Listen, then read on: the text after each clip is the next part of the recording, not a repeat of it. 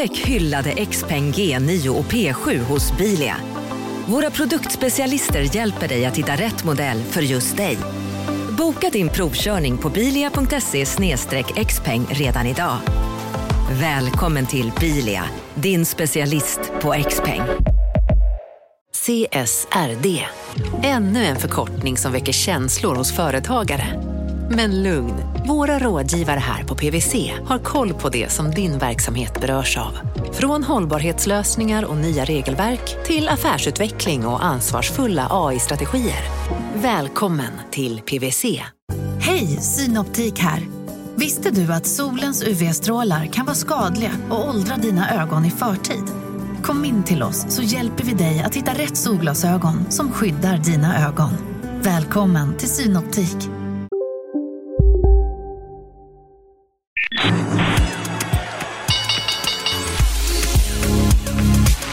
Här är Affärsvärlden Magasin med Helene Rådstein. Hej och hjärtligt välkommen till podden Affärsvärlden Magasin. Jag heter Helene Rådstein. Idag ska jag hälsa på Jesper Söderqvist som är VD på Bull Diagnostics. Och det här bolaget, det är på sätt och vis ett anrikt svenskt medicinteknikbolag som vi kommer att prata om lite grann här i programmet. De tillverkar och marknadsför system och förbrukningsvaror för blodcellräkning. Ja, man räknar blodceller helt enkelt och på latin så kallas detta för hematologi. De riktar sig främst till små och medelstora sjukhus och kliniker och laboratorium runt om i världen. Ett typiskt ställe kan vara en slags vårdcentral på landsbygden i Indien. Det är bara en liten del av försäljningen som sker i Sverige. Man har alltså lösningar för bloddiagnostik där läkaren kan få svar inom en minut på en vårdcentral där man tar testerna. Och tanken är att detta då skapar stora värden eftersom man kan ställa diagnoser väldigt snabbt. Förutom de här instrumenten som på sätt och vis ser ut som en avancerad skrivare, ungefär lika stor som en mikrovågsugn, så förser Bull Diagnostics vårdcentraler med förbrukningsvaror. Man bygger och installerar en bas och därefter så har man liksom återkommande försäljning med de här förbrukningsvarorna. Och därför så pratar man om Gillette-modellen.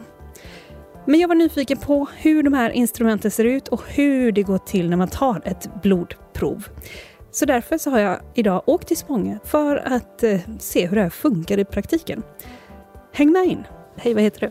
Hej, Jesper Söderqvist. Och var har jag kommit någonstans? Till Bull Diagnostics, till vårt huvudkontor där vi bedriver både forskning och utveckling utav instrument och eh, har även produktion av våra instrument. Det här är ju liksom entrén till huvudkontoret och det är här vi tar emot besökare eh, som dig. Och, eh, men det är också här vi, liksom när personalen träffas, när vi har raster och sånt där. Så att det här är vår sociala ytor där vi ja, träffas och umgås.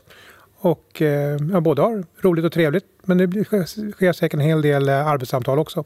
Du har varit VD här i två år nästan precis va? Jag noterade faktiskt faktiskt två år och en dag. Så att jag började faktiskt mitt i, i pandemin då. Och eh, det var en lite speciell tid. Världen stängde ju ner. Och eftersom det här, den typen av sjukvård som använder våra instrument, det är ju mycket vårdcentraler och hälsokontroller och sånt. Och det slutade man göra under pandemin. Då. Så vi hade ju tappat ungefär 25 procent av omsättningen då, precis där i kvartal två 2020. Så att, eh, det, har varit en, det var en lite speciell tid då. Och eh, också lite speciellt att komma in som ny när man eh, inte har möjlighet att resa, man inte har möjlighet att träffa kunder, inte möjlighet att träffa personalen. Men jag tycker att som vi som bolag har ändå anpassat oss förvånansvärt bra eh, givet de förutsättningar och väldigt snabbt liksom kunde bedriva verksamheten vidare, hitta nya sätt och vara innovativa. Och eh, förutom att vi har hållit igång liksom, våra affärer har vi också jobbat med flera strategiska projekt. Och det viktigaste är förstås att utveckla vår nya produktplattform. Det som vi jobbar med då, det är ju, är ju hematologi. Och det är ju kopplat just till de här blodcellerna. Då. När man pratar om in vitro-diagnostik, det vill säga att man gör blodprover. Man behöver inte bara titta på blodcellerna. Man kan prata om klinisk kemi. Eh, man kan prata om molekylär diagnostik, till exempel PCR-tester. Det är också, samma, det är också en typ av blodprov. Då. Så det finns många olika discipliner inom in vitro-diagnostik. Då, där hematologi är ett och det är där som vi är helt fokuserade. Vad ska vi gå iväg och kolla på nu? Ja, nu ska vi gå upp till något som heter Applied Hematology. Där vi ska titta på laboratoriet där vi utvärdera våra instrument. Och vi kanske till och med ska ta ett blodprov på mig tror jag. Och eh, här ska vi träffa några biomedicinska analytiker då, som har eh, full koll på vad som händer. Det här är en väldigt vanlig blodtest som vi gör. Det är ett väldigt kostnadseffektivt sätt att få väldigt mycket kunskap om hur människor mår, deras hälsa. Både används för hälsokontroller, det används för att eh, identifiera sjukdomar, men också att följa upp behandlingar. Då. Testet är väldigt vanligt, men teknologin, att eh, räkna de här blodcellerna, för det är det vi gör, vi räknar blodceller. Och det finns ju både vita, röda och plättar. Då. Den själva, eh, själva teknologin och den teknik som behövs är väldigt avancerad. Då är det jätteroligt. Men det är också så här att det här är ju biologi. Så att det finns ju det växelverkan här mellan vår, vårt blod och de kemikalier och de reagenser som vi blandar med för att kunna göra, göra de här eh, blodcellsräkningen. Då. Och reagenser, det är vätskor ungefär? Det är vätskor ungefär som man blandar upp med det här blodet. Då. Hej! Jag heter Helene Rothstein från Affärsvärlden Magasin. Och vad heter du? Anette Lindström. Och vad är din titel? Eh, jag håller på med test, mycket test och verifieringar, valideringar, eh, använda tester, eh, använda risker och ja. Ska vi ta ett blodprov här på Jesper? Ja. Nu har vi inte kalibrerat den här på MPA-delen faktiskt. Men men så det får bara bli ett litet prov här nu då. Ja. Vill du, vill du ha... Nej, men jag ställer upp som ett offer. okay. Jag känner mig inte som ett offer faktiskt. okay. Jag tycker det är ett privilegium. ja. Då torkar man av lite sprit först. Det gjorde inte så ont? Det gjorde inte alls ont. Du har tagit ett litet blodprov, sån här mini-blodprov i fingret. Ja. Så stoppa in det i det här lilla, lilla, lilla röret. Och sen ska den in i maskinen in i instrumentet. man, startar med den här, när man liksom kör in den här. Men jag får fråga, de här instrumenten, vad, vad används de till annars hos er när de står här?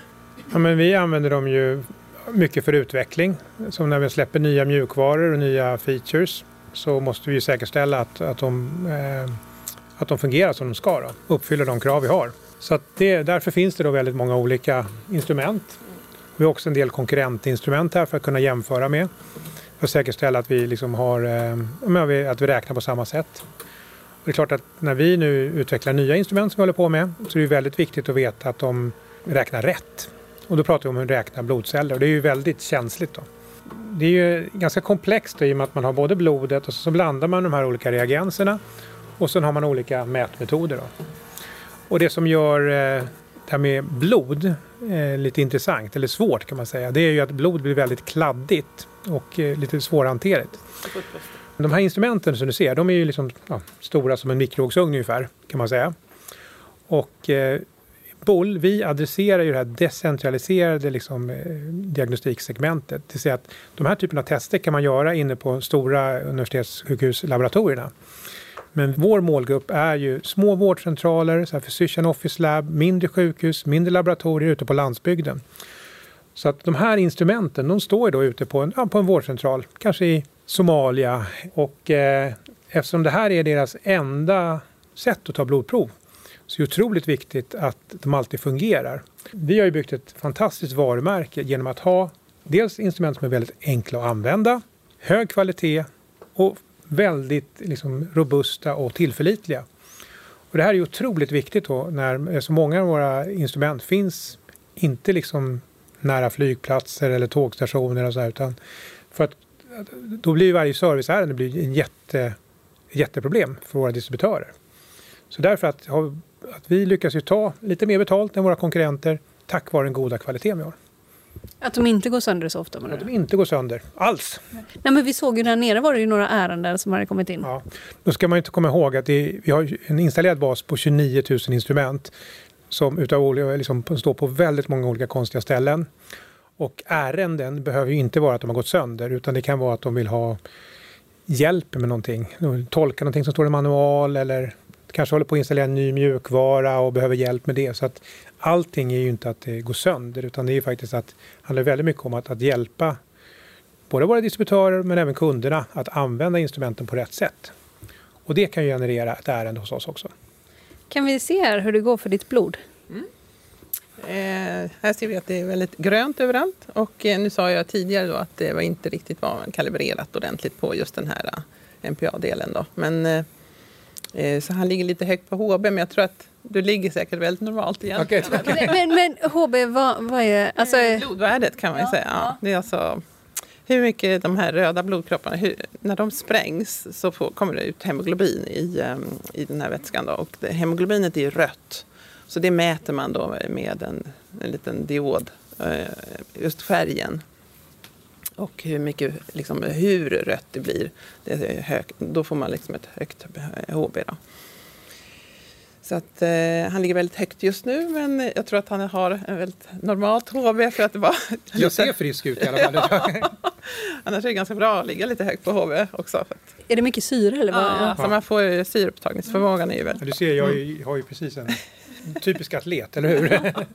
För, hur ser du det med HB? HGB kallas HGB, det för på ja, engelska. Då. Ja. Mm. Och vad, vad, ser vi mer för och någonting? Sen har vi vita blodkroppar. Då. Det är helt normalt. Det ligger precis mitt i prick. Då. De brukar vara höga när man har infektioner av olika slag, virus eller bakterier eller någonting. Mm. Sen har vi de olika det finns vita blodkroppar som ser lite olika ut. Och, eh, lymfocyterna är just för virus kanske och eh, granulocyterna för bakterier om man har för mycket. Och sen har vi de röda blodkropparna det är också helt normalt. Sen har vi volymen på blodkropparna och sen hematokrit. Förr i tiden brukade man ju snurra ett rör så här. Och då kommer liksom blodkropparna längst ner och så kommer plasma högst upp. Det är alltså hur många röda det är utav hela den här stapeln. Och då är det hematokriten. Sen har vi plättar också. Plättar är de som eh, vi har för att blodet ska koagulera. Trombocyter annars också kallat. Eh, och det är helt normalt där också. Man kan säga så här, om jag då är läkare säger vi, mm. på en mm. vårdcentral mm. på landsbygden någonstans. Då kan jag se detta mm. och då kan jag se, jaha, du har en virusinfektion eller jaha, mm. du har en bakteriell... Ja, ja. Tillsammans också, får vi säga då, tillsammans med alla andra eh, provtagningsmetodiker som de har på sjukhusen. Då. Så att det här är bara en screening kan vi kalla det för. Man kan inte kanske bara titta stint på just det här. Utan man har ju, helt, ja, man har ju patienten framför sig också säkert. Och, ja. ja. Mm. Men, men, det är det här ni tillhandahåller. Mm. Nu så ska det komma också nya instrument från er sida mm. så småningom. Utav det man inte får reda på här, vad kommer hända med de nya instrumenten? Ja, en av de saker som vi, vi tittar på det är ju att här, så hade vi delat upp eh, de här vita blodkropparna som är kopplade till immunsystemet i tre olika undergrupper. Då kan man dela upp dem i fem olika undergrupper. Och då kan man säga lite mer om de här, liksom till exempel vilken typ av infektionssjukdomar. Eh, vi har sådana instrument idag, men med de nya instrumenten så kommer vi få en mer modern plattform och, och liksom en eh, vi kommer också kunna ha då till sån här eh, autoloader så att man kan köra liksom flera prov per timme. Så man kan köra 80 prov per timme då, på, på de nya instrumenten. Och en annan sak som man kan mäta då, som vi kommer att mäta med nya instrument, är att man kan mäta liksom omogna röda blodkroppar som kallas retikulocyter. Så att det, det, vi har ett antal sådana olika parametrar. Va, va, vad är det för blodkroppar? Omogna? Retikulocyterna är ju eh, någonting som man egentligen inte ska ha i perifert blod, alltså ute i blodbanan. Utan de eh, ökas i blodbanan ifall man har något fel, någon eh, typ av anemier eller någonting så, så kan det öka lite grann och då kan de också komma ut i blodbanan och då kan vi se dem så jag tänker en, en viktig sak med vår, vår nya instrumentplattform då, som vi nu utvecklar. Det här, nu pratar vi om, om vårt första instrument som vi släpper, men det handlar ju om att ta fram en helt ny produktportfölj då, baserad på den här eh, instrumentplattformen då, som innefattar både instrumenten men också de här eh, våra förbrukningsvaror, våra reagenser. Men det vi ser också att i framtiden så kommer liksom alla instrument vara uppkopplade då. Så vi bygger också en, en ett cloud-lösning liksom där alla instrument i framtiden ska kunna vara uppkopplade. Och där ska vi kunna erbjuda servicetjänster men även liksom kanske hjälpa till att tolka data eller nya affärsmodeller som att instrumenten själva vet till exempel när det är dags att beställa förbrukningsvaror. Så att det, hela den här nya liksom, plattformen som vi jobbar på handlar ju väldigt mycket mer än, än bara liksom instrumenten. Själva provet som, som man gör, det är liksom etablerat och finns. Så här där handlar mer om hur kan vi erbjuda en bra lösning för att de här kunderna ska kunna jobba med den här typen av diagnostik på ett effektivt sätt. Detta då att ni ska lansera en ny generation instrument nästa år, är det var 2023. Mm. Um, vad, vad är kvar innan ni får igenom det och varför ska ni göra det? Ja, vi ska göra det för att vi kommer ta fram en bredda vår produktportfölj eh, så att vi kommer sälja, ha en bredare produktportfölj vilket gör att vi får liksom tillgång till en större marknad. Och den marknaden är vårt första instrument som innebär att vi kan liksom eh, dela upp de här vita blodkropparna i lite fler olika populationer. Det är den delen av marknaden där man gör mer tester, den växer mera och man får, lite, man får mer betalt för instrument och prover. Då. Så det, det, det är ett av skälen. Eh, och sen handlar det förstås också om att vi behöver modernisera vår produktportfölj som gör att vi kan också fasa ut ehm, äldre produkter så vi kan producera dem mer effektivt framåt. Vi tror ju väldigt mycket att eh, alla instrument, eller allting kommer att uppkopplat i framtiden. Då. Så en viktig del av liksom hela den här nya produktplattformen det är ju så liksom att, att de här instrumenten kommer att vara uppkopplade och att man kan koppla olika typer av tjänster och service till, till instrumenten genom de här molntjänsterna. Och det är klart att det kommer ta lite tid innan vi har alla våra, hela vår installerade bas uppkopplade. Men nu börjar vi den här resan och det känns jättespännande. Och det här då var uppkopplat, är det liksom samma modell då som till exempel Atlas Copco med sina maskiner? Att eh, de ska bli uppkopplade så att man slipper skicka ut en person utan man ska ha lite framförhållning? Ja, men till exempel, det, jag du relaterar till, det finns ju inom väldigt många olika eh, industrier och sånt där jag tror Scania till exempel var ganska tidigt med att ha alla lastbilar uppkopplade och ha liksom, så att man kan ha proaktiv service, proaktiv maintenance. Och eh, det som är intressant med det här det är ju, det är ju att det här är ju väldigt enkelt att utveckla. I och med att allting ligger i molnet så kan man ju lägga till tjänster och man kan skapa nya tjänster även efter att man har levererat de här. Innan så var det inte så svårt att få sånt här märkt. Alltså man fick CE-märkning mm. och så vidare. Men nu i den här månaden så har EU kommit med nya direktiv helt enkelt om eh, ganska omvälvande eh, regelverk. Eller är det inte det för er också? Ja, men det är ett nytt europeiskt regelverk som eh, kommer ställa högre krav på oss som tillverkare. Och eh, dels en del sådana här, som, som reagenserna har man ju inte behövt liksom ha eh, samma tekniska dokumentation som man har för instrumenten. Det ändras nu i maj i år. Eh, och tidigare som du sa så kunde man ju ha självcertifiering, att vi som tillverkare genom att ha ett kvalitetssystem som granskade så kunde vi själva godkänna produkterna. Med IVDR så kommer det här behöva våra tekniska filer för att vi ska släppa en ny produkt kommer den behöva granskas av ett anmält organ som det heter.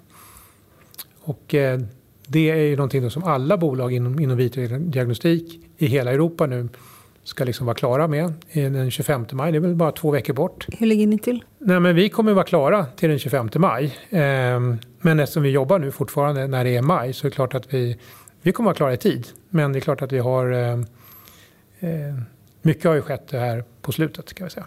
Så att, men det har, vår organisation har skött det här på ett fantastiskt bra sätt och eh, vi har en del viktiga milstolpar som vi gjorde idag faktiskt. Så det, kommer, det blir lite extra roligt att gå på fest ikväll faktiskt. Personalfest ska ni ha. Kan man översätta det här? Hur stort det här nya regelverket är inom... Är det hela läkemedelsbranschen eller framförallt medicinteknik? Man gjorde det för andra medicintekniska produkter förra året faktiskt. Då fanns ett regelverk som hette Medical Device Directive som blev Medical Device Regulation då, förra året.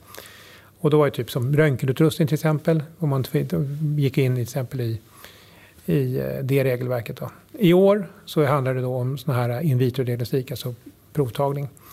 Och det kommer att omfatta alla eh, som jobbar med, eh, ja, med diagnostik. Då. Så all medicinteknik har egentligen nya regler. Så ska vi komma ihåg att det här IVDR som nu börjar gälla.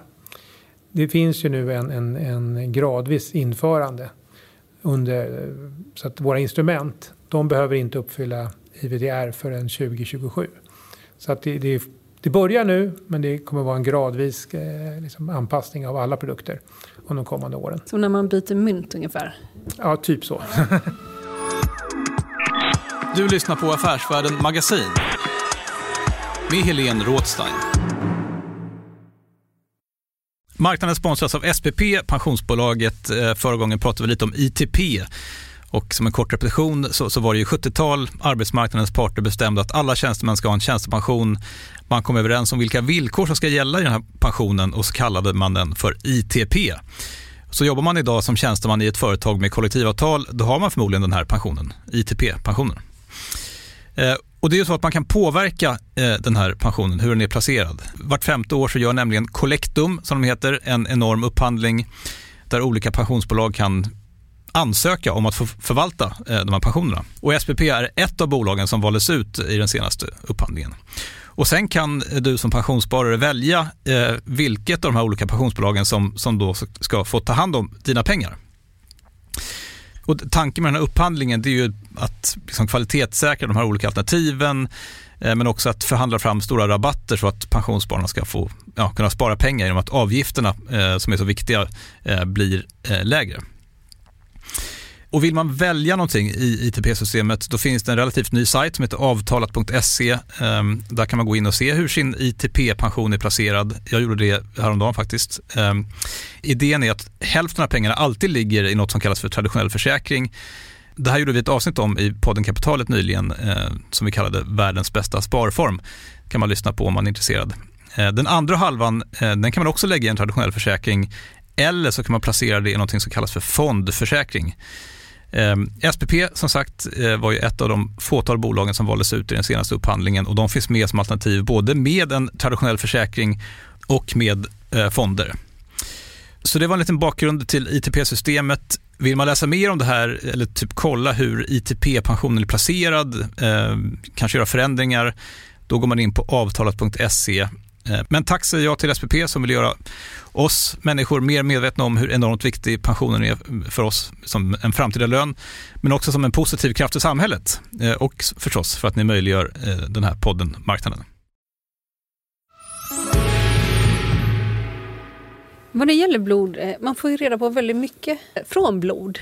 Vad är det idag som man fortfarande undrar över som man inte kan få veta via blodet ännu? Alltså det, det här som, som Anette sa, det här är ju en, en, liksom en väldigt ett screeningtest som ger oss liksom mycket kunskap om vilken typ av sjukdom och vilket fel man har. Eh, om man sedan upptäcker någonting som inte liksom ligger som normala värden, då finns det ju en jättemånga olika typer av tester som man kan göra. Och några av dem är väldigt dyra. Så det, det finns ju en, liksom en, en väldigt stor nytta att man gör den här testen som är väldigt billig och väldigt, väldigt kostnadseffektiv för att sen välja ut vilka patienter som man ska kanske göra de här mer dyr, dyrbara testerna på. Och sen är det här en, fantastisk utveckling som sker nu, liksom att man, man har fått mycket känslig mätteknik då, och man tittar mycket på olika typer av biomarkörer till exempel. Det finns ju väldigt mycket prat om det här med personalized medicine då.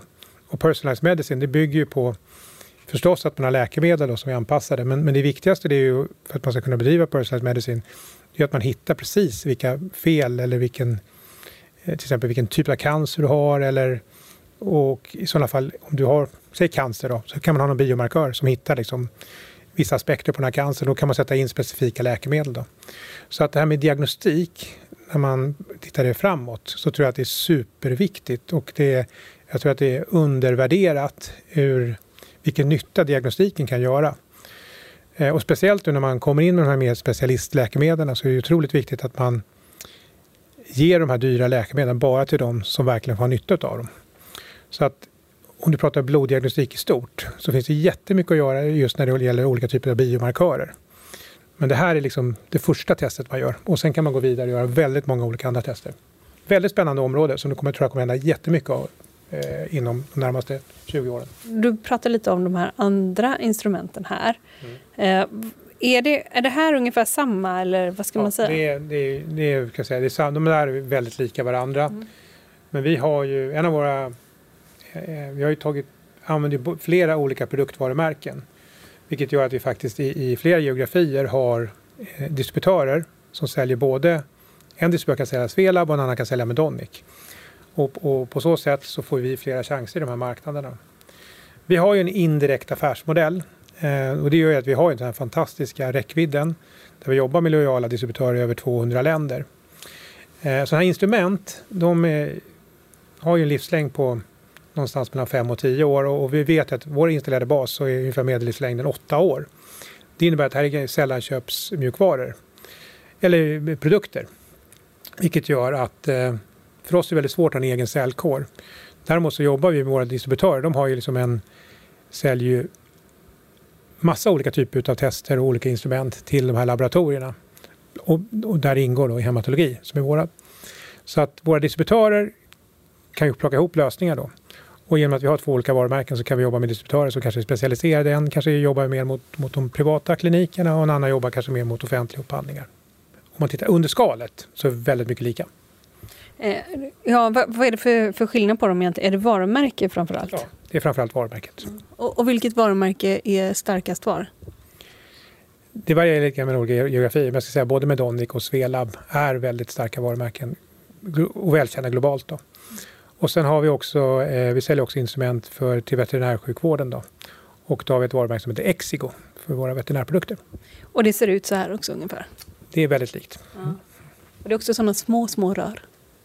Ja. ja. Och vi firade faktiskt 25 år förra året då, som, som det här hematologibolaget som Bolle är idag. Och eh, bolaget skapades ju att vi gjorde, förvärvade då både Svelab och Medonic. Då. Och det här, är, liksom, det här är våra produktvarumärken och de är ju väldigt välkända runt omkring i världen. Eh, och om man tittar just på varumärket Svelab, det har faktiskt ursprung i Erik Uhlin som var en svensk eh, forskare som utvecklade den här första blodcellsräknaren redan på 50-talet. Det finns ju många exempel på bolag i Sverige som har utvecklat fantastisk teknologi och fantastiska innovationer som just för sjukvård. Då. Och det här är ett av dem. Kanske de är lite, inte lika kända som Lars Lexell med gammakniven eller pacemakern och alla de här sakerna som vi ofta hör om. Men det här är ett stycke svensk industrihistoria som vi nu tar med oss in i 2000-talet och vi växer och vi finns i hundra länder och det här är välkända varumärken. Vad kostar en sån här maskin om man vill köpa den om jag är Indien? System? Jag, jag ska, jag, de, de är så väldigt olika konfigurerade så att jag, jag avstår att svara på den frågan. Men kan man säga från så till så? Man kan säga att från eh, men säg mellan 50 och 100 000. Och då varar de åtta år och sen så får man beställa? Mm. Ja, sen använder man, man, man använder då, dels så behöver man ju då eh, reagens när man använder dem och det finns ett, det två olika typer av vätska som man blandar blodet med. Men sen finns det också blodkontroll och kalibratorer. man måste säkerställa att det här instrumentet kalibreras eh, regelbundet. Då. Och hur ofta man eh, kalibrerar med instrumenten det beror lite grann på liksom, lokal lagstiftning och lokala regler och praxis och sånt där. Då. Eh, och då kan man se att vissa länder har, använder väldigt mycket blodkontroller. Eh, USA till exempel är ett sådant land som kräver att man gör det väldigt frekvent och det finns andra länder som kanske inte kalibreras så ofta. Och här är en skärm, vad är detta? Ja. Jätteroligt. Det här är Cellavision. Det är inte vårt varumärke tyvärr. Nej, det är Lund, Lund vet jag. Ja. Mm. Ja.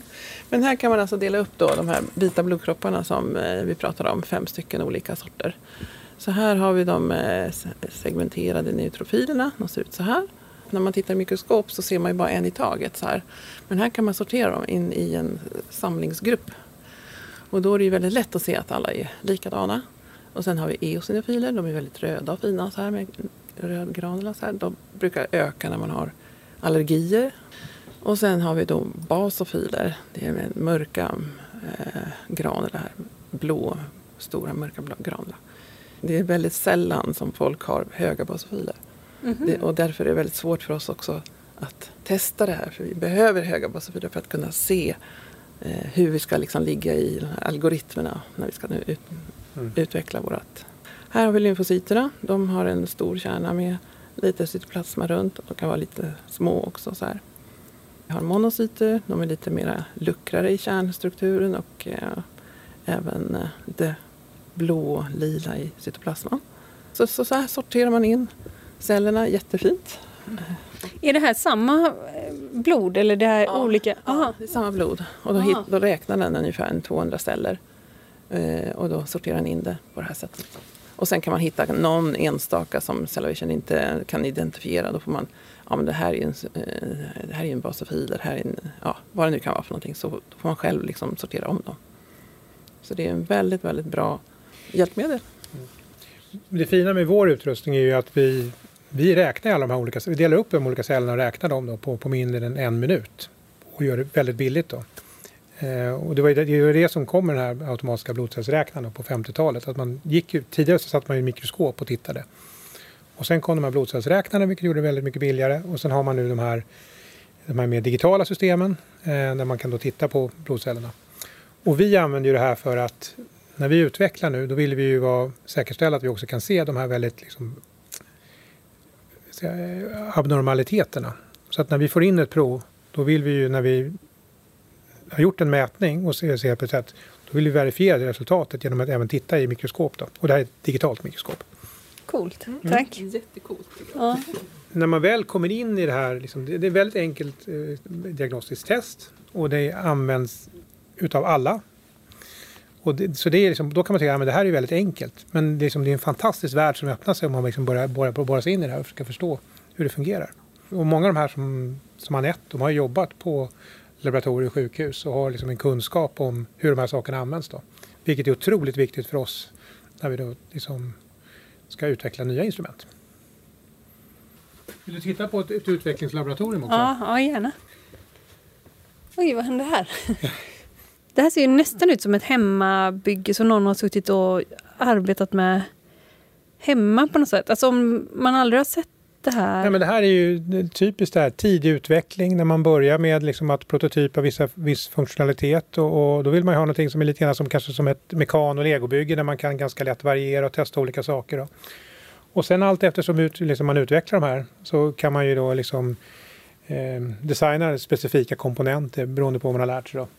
Så man kan ju säga att liksom, om man går här genom labbet här så, så kan man se liksom hur de här instrumenten tar form. Då det som jag tänkte bara jag ville illustrera med det här labbet är ju liksom att, eh, är det här att vi faktiskt då som, som bolag har liksom även utveckling och vi har tagit det här ifrån liksom en första idé. Det här är ju, så tar man fram olika prototyper och sen så nu håller vi på att liksom eh, nu ska man även kunna producera de här i volym och billigt och så vidare. Vilket gör att man måste testa på många olika saker. För det jag skulle säga det är ju att det är isärskruvade Eh, instrument. Det är ju mm. det man ser. Ja. ja. Liksom flera, hur många kan det vara här totalt? Jag vet inte. Tio? Tio ungefär. Ja. Och det, är liksom, det ligger ju också skruvmejslar och lite tejp och eh, eller hur? Ja, men alltså... det, här är ett, det här är ett utvecklingslaboratorium. Det här är inte liksom löpande produktion. Nej. Utan det här är ju då där eh, våra utvecklingsingenjörer håller till. Då. Så att, eh, ja, men det är väl liksom illustration då, att vi har liksom det här alltihopa från liksom första idé, utveckling eh, och det här att sen då att liksom eh, jobba med klinisk validering och dokumentera både liksom våra kliniska resultat. Det är så otroligt viktigt. Då. Och det krävs ju också att vi har gjort väldigt noggranna kliniska tester Eh, för att kunna sedan söka regulatoriska tillstånd och få sälja de här. Eh, sätta CE-märket på det eller få eh, instrumenten FDA-godkända. Som, som bolag är vi väldigt unika då för att vi utvecklar ju både instrument och alla de här förbrukningsvarorna och även blodkontroll och kalibratorer. Och instrumenten de utvecklar vi här i Sverige medan de här förbrukningsvarorna som är reagenser, blodkontroll och kalibratorer det görs på vårt kontor i södra Florida. Eh, och de här måste ju fungera som ett system då. Så här kan du se, här är en, en väldigt eh, tidig prototyp där man då har möjlighet att liksom laborera med olika funktionaliteter. Vår affärsmodell bygger på att vi bygger, har en installerad bas utav instrument som sen under många år, typiskt lite knappt eh, åtta år, sen förbrukar eh, reagenser, blodkontroll och kalibratorer.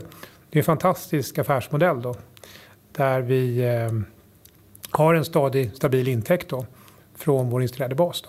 Man pratar lite om Gillette-modellen där du menar då att eh, man beställer hela tiden hyvlar från er. Ja, ja men hyvlarna då från oss då, det är de här uh, reagenserna och blodkontroller och kalibratorer. Och för att säkerställa då att Gillette har ju, deras modell är att man har en, att man kan inte köpa vilket rakblad som helst utan det passar ju deras liksom, skaft då. För oss så har vi en eh, säkerhetslösning som gör att eh, vi har en RFID-kod på våra förbrukningsvaror som sen instrumentet läser in. Och det måste man ha för att kunna köra med, med de här förbrukningsvarorna. Och så på så sätt så skyddar vi och vet att de kommer bara använda förbrukningsvaror från oss. Då. Men det är fortfarande så att eh, det finns ju en väldigt så komponentbrist då, som ni lider av till exempel och mm. som ni arbetar med dagligen och det ser olika ut från vecka till vecka. Hur påverkar det verksamheten framåt? Ja, den här komponentbristen då. Det, under pandemin så, så var det under 2020 var det ju inte så, så svårt. För då var det mer efterfrågan som saknades. Men sen, sen egentligen sen början av 2021 när liksom efterfrågan kom tillbaka så har ju mycket, det som varit utmaningen har ju varit att kunna leverera det som kunderna vill ha. Då. Så att eh, vi har jobbat med det intensivt som du säger varje dag.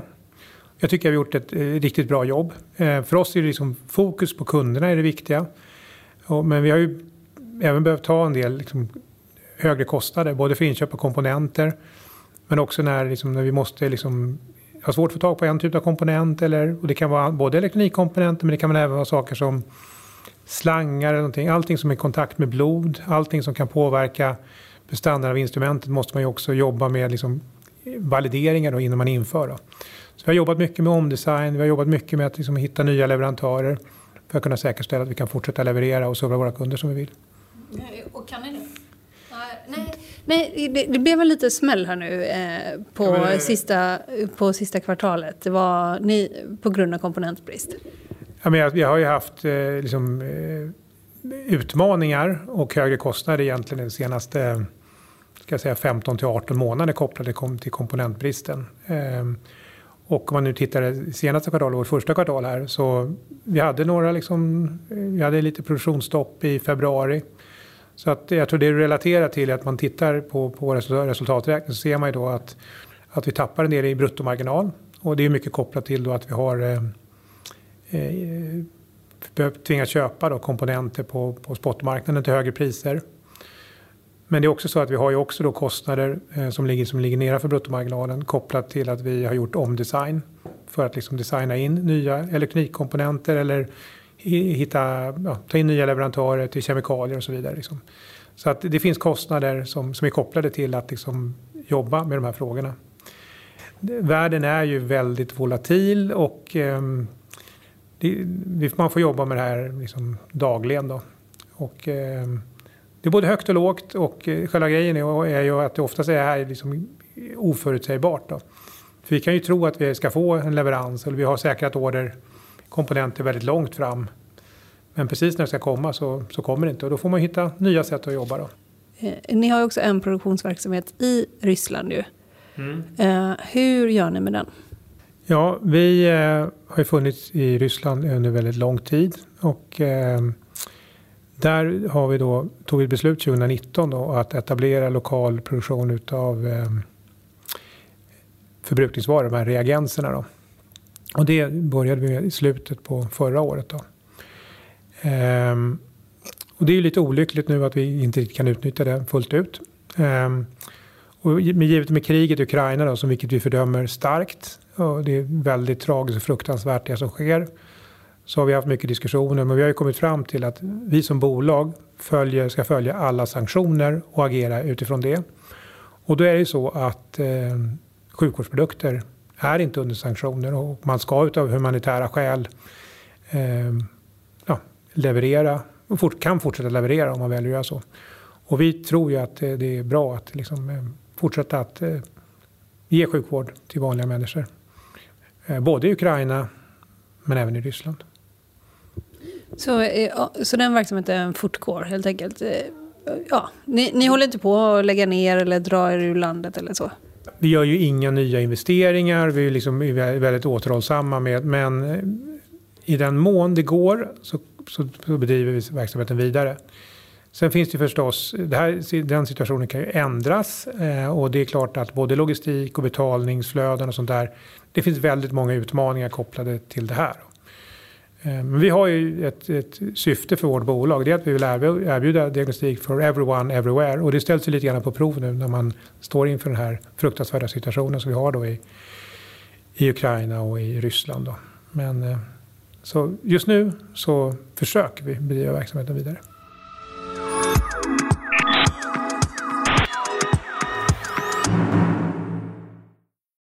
Eh, marknaden sponsras av Karla. Eh, vi pratar ju en hel del om bilar här på kontoret. Eh, karla har ju skapat, skulle jag säga, det som är standarden för hur man idag köper och säljer bilar på nätet. Kort bakgrund bara. Karla säljer och leasar begagnade elbilar och laddhybrider på karla.se. Alltså en helt digital upplevelse. Och man har gjort det här med ett nästan maniskt fokus på vad en bilköpare faktiskt behöver.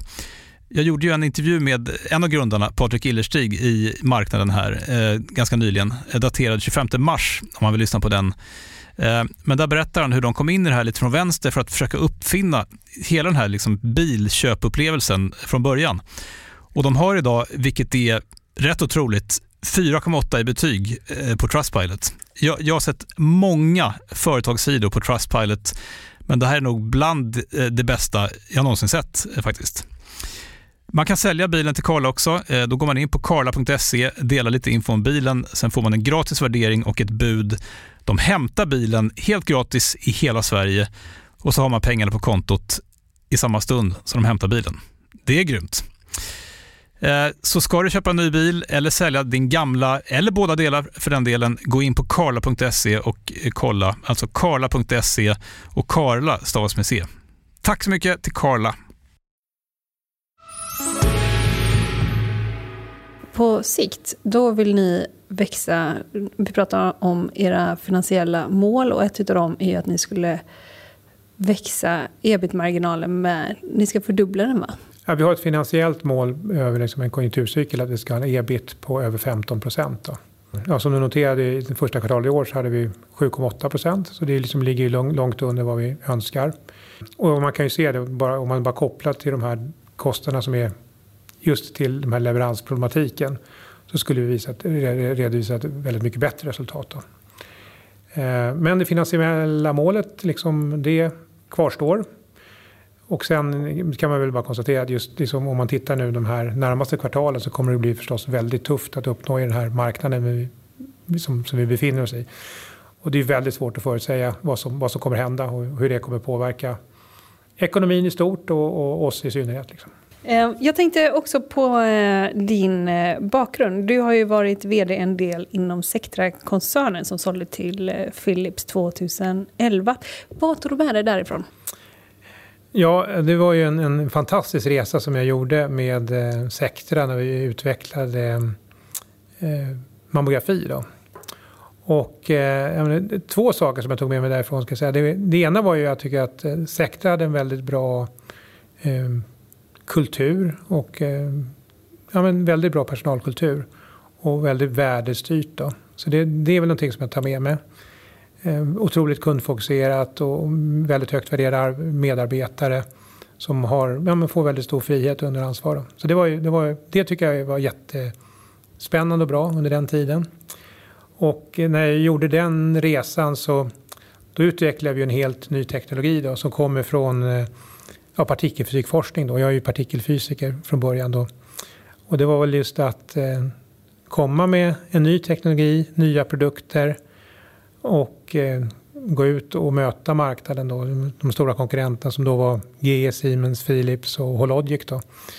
Och vi jobbade ju väldigt nära då, Key Opinion Leaders, och, eh, för att ja, både förstå hur säkerställa att de här instrumenten, eller våra mammografiapparater skulle fungera och eh, just att jobba nära kunderna är någonting som jag tog med mig. Och det, det var en resa som slutade med att eh, mammografibolaget såldes och bolaget och även jag blev en del av Philips. Då. Så gick från ett litet startup som ett antal år tidigare till att få 100 000 kollegor över en natt. Så det, det var en intressant resa. Och din bakgrund, du börjar, du är utbildad fysiker från KTH, eller hur? Ja, jag gick teknisk fysik då. Och sen så när jag skulle göra mitt examensarbete så eh, gjorde jag det nere på CERN. Och eh, där... Eh, nej, men jag tyckte det var fantastiskt internationell miljö och jag trivdes väldigt bra. Jag skulle bara göra mitt exjobb då. Men det slutade med att jag blev doktorand och eh, sen eh, doktorerade i experimentell partikelfysik då. Och eh, sen hamnade jag i näringslivet och jobbade några år i eh, telekom. Men redan som doktorand så fick jag in upp intresset för medicinsk fysik. Då. Eh, och, eh, ja, och det ledde väl till då att eh, min doktorandkollega då, Mats Danielsson, han och jag delade rum under ett antal år. Han hade startat upp det här mammografibolaget och där Sectra var investerare. Och därför hamnade jag där. Och efter tiden på Philips, då var du senare då på Arkoma och det är betydligt mindre än Bull. Vad är den stora skillnaden skulle du säga att vara där och här? Men Arkoma är ett mindre bolag. Eh, och eh, det var väl också ett, ett område, nu hade jag jobbat med mammografi och röntgen under, under väldigt många år. Så att det var ju, själva marknaden och teknologin var ju inte så nytt. Då. Det var ju samma sak där. Jag har jobbat med bolag som har jobbat med både med teknologi, produktutveckling och haft liksom även produktion inhouse. Då. Så det var ju ganska likt på det sättet. Då. Ja, men så när man jobbar lite mindre bolag så klart man, då har man ju mer koll på alla delar. Det som är kul med, med Bull tycker jag, det är ju liksom det, vår, att vi har så otroligt stor Eh, geografisk spridning och att vi finns på så många olika ställen. Just eh, det här med att jobba med diagnostik tycker jag är, väldigt kul och eh, jag brinner verkligen för svensk medicinteknik också. Och jag tycker det är jättekul att, liksom att få möjligheten att leda BOL som verkligen är en, en av de här svenska framgångssagorna. Har du själv varit på någon liten udda vårdcentral i något land långt bort i stan Eh, där man just använder era instrument? Jag tänkte eftersom du tillträdde just våren 2020. Nej, men det är det som är så väldigt speciellt under den här tiden. Att jag har ju varit väldigt lite ute på och rest. Det har inte varit möjligt då. Och framförallt har det inte varit möjligt att resa till, till de andra länderna. Så att, eh, eh, jag har ju varit på några vårdcentraler men de har ju varit mer här i närområdet. Då. Så att eh, det finns kvar på min att göra-lista. Att åka ut till de här eh, mindre vårdcentralerna på landsbygden i Indien eller liksom i, i Nordafrika. Så, där. så det, det, ser jag fram emot att få göra.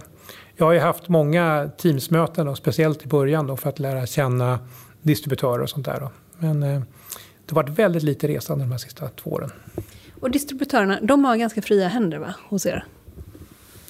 Ja, de är ju egna bolag, så det kan man väl säga. Men eh, vi har, jag ska säga att våra distributörer, vi har 70-80-tal ska jag säga, är de liksom distributörer som, som vi har jobbat väldigt mycket med och väldigt nära. De är, de, många är väldigt eh, liksom, goda förespråkare och för boll. Och de, eh, de känns nästan som anställda väldigt ofta. Då. Och de brinner verkligen för, för våra produktvarumärken. När man är i så här mindre länder så måste man ju ibland ha att göra med regeringar helt enkelt för att komma in i landet. Eh, alltså Ministry of Health och sådär. Ehm, eller hur? Eller? Ja, men det är väl så här, om det som är att vara en leverantör till den publikt finansierade sjukvården är ju oftast där man får volymer. Då. Så det är klart att det är jättebra om man kan, att man del, kan delta i upphandlingar från Ministry of Health. Och det är också därför att liksom förstå hur det här fungerar som vi då, som på Boll har ju valt att, även om vi jobbar via distributörer, så har vi ju egen lokal personal ute i länderna. Och det handlar ju mycket om att dels att vi ska vara nära distributörerna, förstå hur, liksom, vad de har för behov. Det handlar om att liksom, förstås då, liksom, förstå hur det fungerar med eh, betalningssystemen för sjukvården i länderna förstå hur de här liksom, olika upphandlingarna från Ministry of Health eh, fungerar. Men även förstå den lokala affärskulturen. Då. Jag tänker också, i vissa länder så är korruptionen väldigt hög och sådär. Hur säkerställer ni att det inte blir att ni inte kommer in på marknader via ja, något som kan uppfattas vara korruption? Ja, vi har ju ett, eh, en väldigt strikt policy som vi då utbildar alla våra anställda i. Eh, och alla våra säljare genomgår det en gång per år. Och vi har liksom nolltolerans mot liksom alla typer av ja, oetiskt liksom affärsbeteende. Då. Ehm, så det är klart att någonting som man, man måste vara, man, man får inte vara naiv och, liksom, och tro att, man, att, att det inte finns alls. Då. Men vi gör vad vi kan och jag har inte sett, under min tid här har jag inte sett några tecken på att det har funnits någonting som är olämpligt. Men jag tror att det finns bara ett sätt och det är att prata om det, att det finns och säkerställa att alla våra anställda verkligen förstår att det finns precis noll tolerans mot, mot den typen av affärsbeteende. Inom er marknad så är ju USA en... Eh, det är ofta så att man har 40 procent är på den amerikanska marknaden. Så är det ju inte i ert fall. Ska det bli så i framtiden? Ja, det är väl en av möjligheterna som vi ser nu när vi får en, en ny produktplattform. Då, att vi kan utveckla instrument som kanske är mer anpassade för, för den nordamerikanska marknaden på sikt. Idag så är vår produktportfölj är liksom väldigt, eh, passar väldigt bra då kan man säga i den här decentraliserade sjukvården och i utvecklingsländer. Då. Så det har väl gjort att vi har vuxit snabbare då i, på, på länder utanför den nordamerikanska marknaden. Då. Eh, men på sikt då så, så ser vi ju att det finns möjligheter att eh, växa i USA. När börjar det? Det brukar vara väldigt viktigt inom medicinteknik och överhuvudtaget läkemedel. Den amerikanska marknaden lyfts ju liksom alltid, alltid, alltid fram. Ja, där, vi skiljer oss lite grann från andra bolag i och med att vi faktiskt inte har, som du säger, vi har inte en så stor exponering mot den nordamerikanska marknaden. Du nämnde 40 procent. Om man tittar på in vitro-diagnostikmarknaden i stort så är ungefär 40 procent är USA om man tittar liksom i omsättningsmässigt. Då. För att man får mer betalt eh, där. Just det, det blir bättre marginaler också. Man kan få bättre marginaler. Och eh, när vi nu utvecklar vår nya plattform så kommer vi förutom att ansöka om CE-märke så kommer vi förstås även, så tittar vi även på att ta fram eh, data så att vi även kan ansöka om FDA väldigt snart efter FDA-godkänna väldigt snart efter release. Då. Vilket då möjliggör att vi kan kanske börja växa i USA. Då. Men det är några år bort. Jag kanske ska lägga till en sak. Då. Ja. Jag tänker då som att det som gör Boll unikt då, och för, för, för investerarna, för det är kanske de som vill lyssna på det här. Då skulle jag säga, jag skulle verkligen vilja lyfta fram vår affärsmodell som är väldigt, väldigt stark.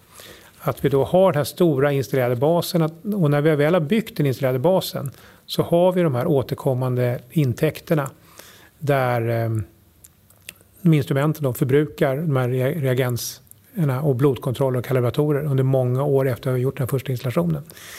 Det skapar en väldigt stabil återkommande liksom, intäkt. Då. Så vi, och vi har en väldigt stor andel av recurring revenue.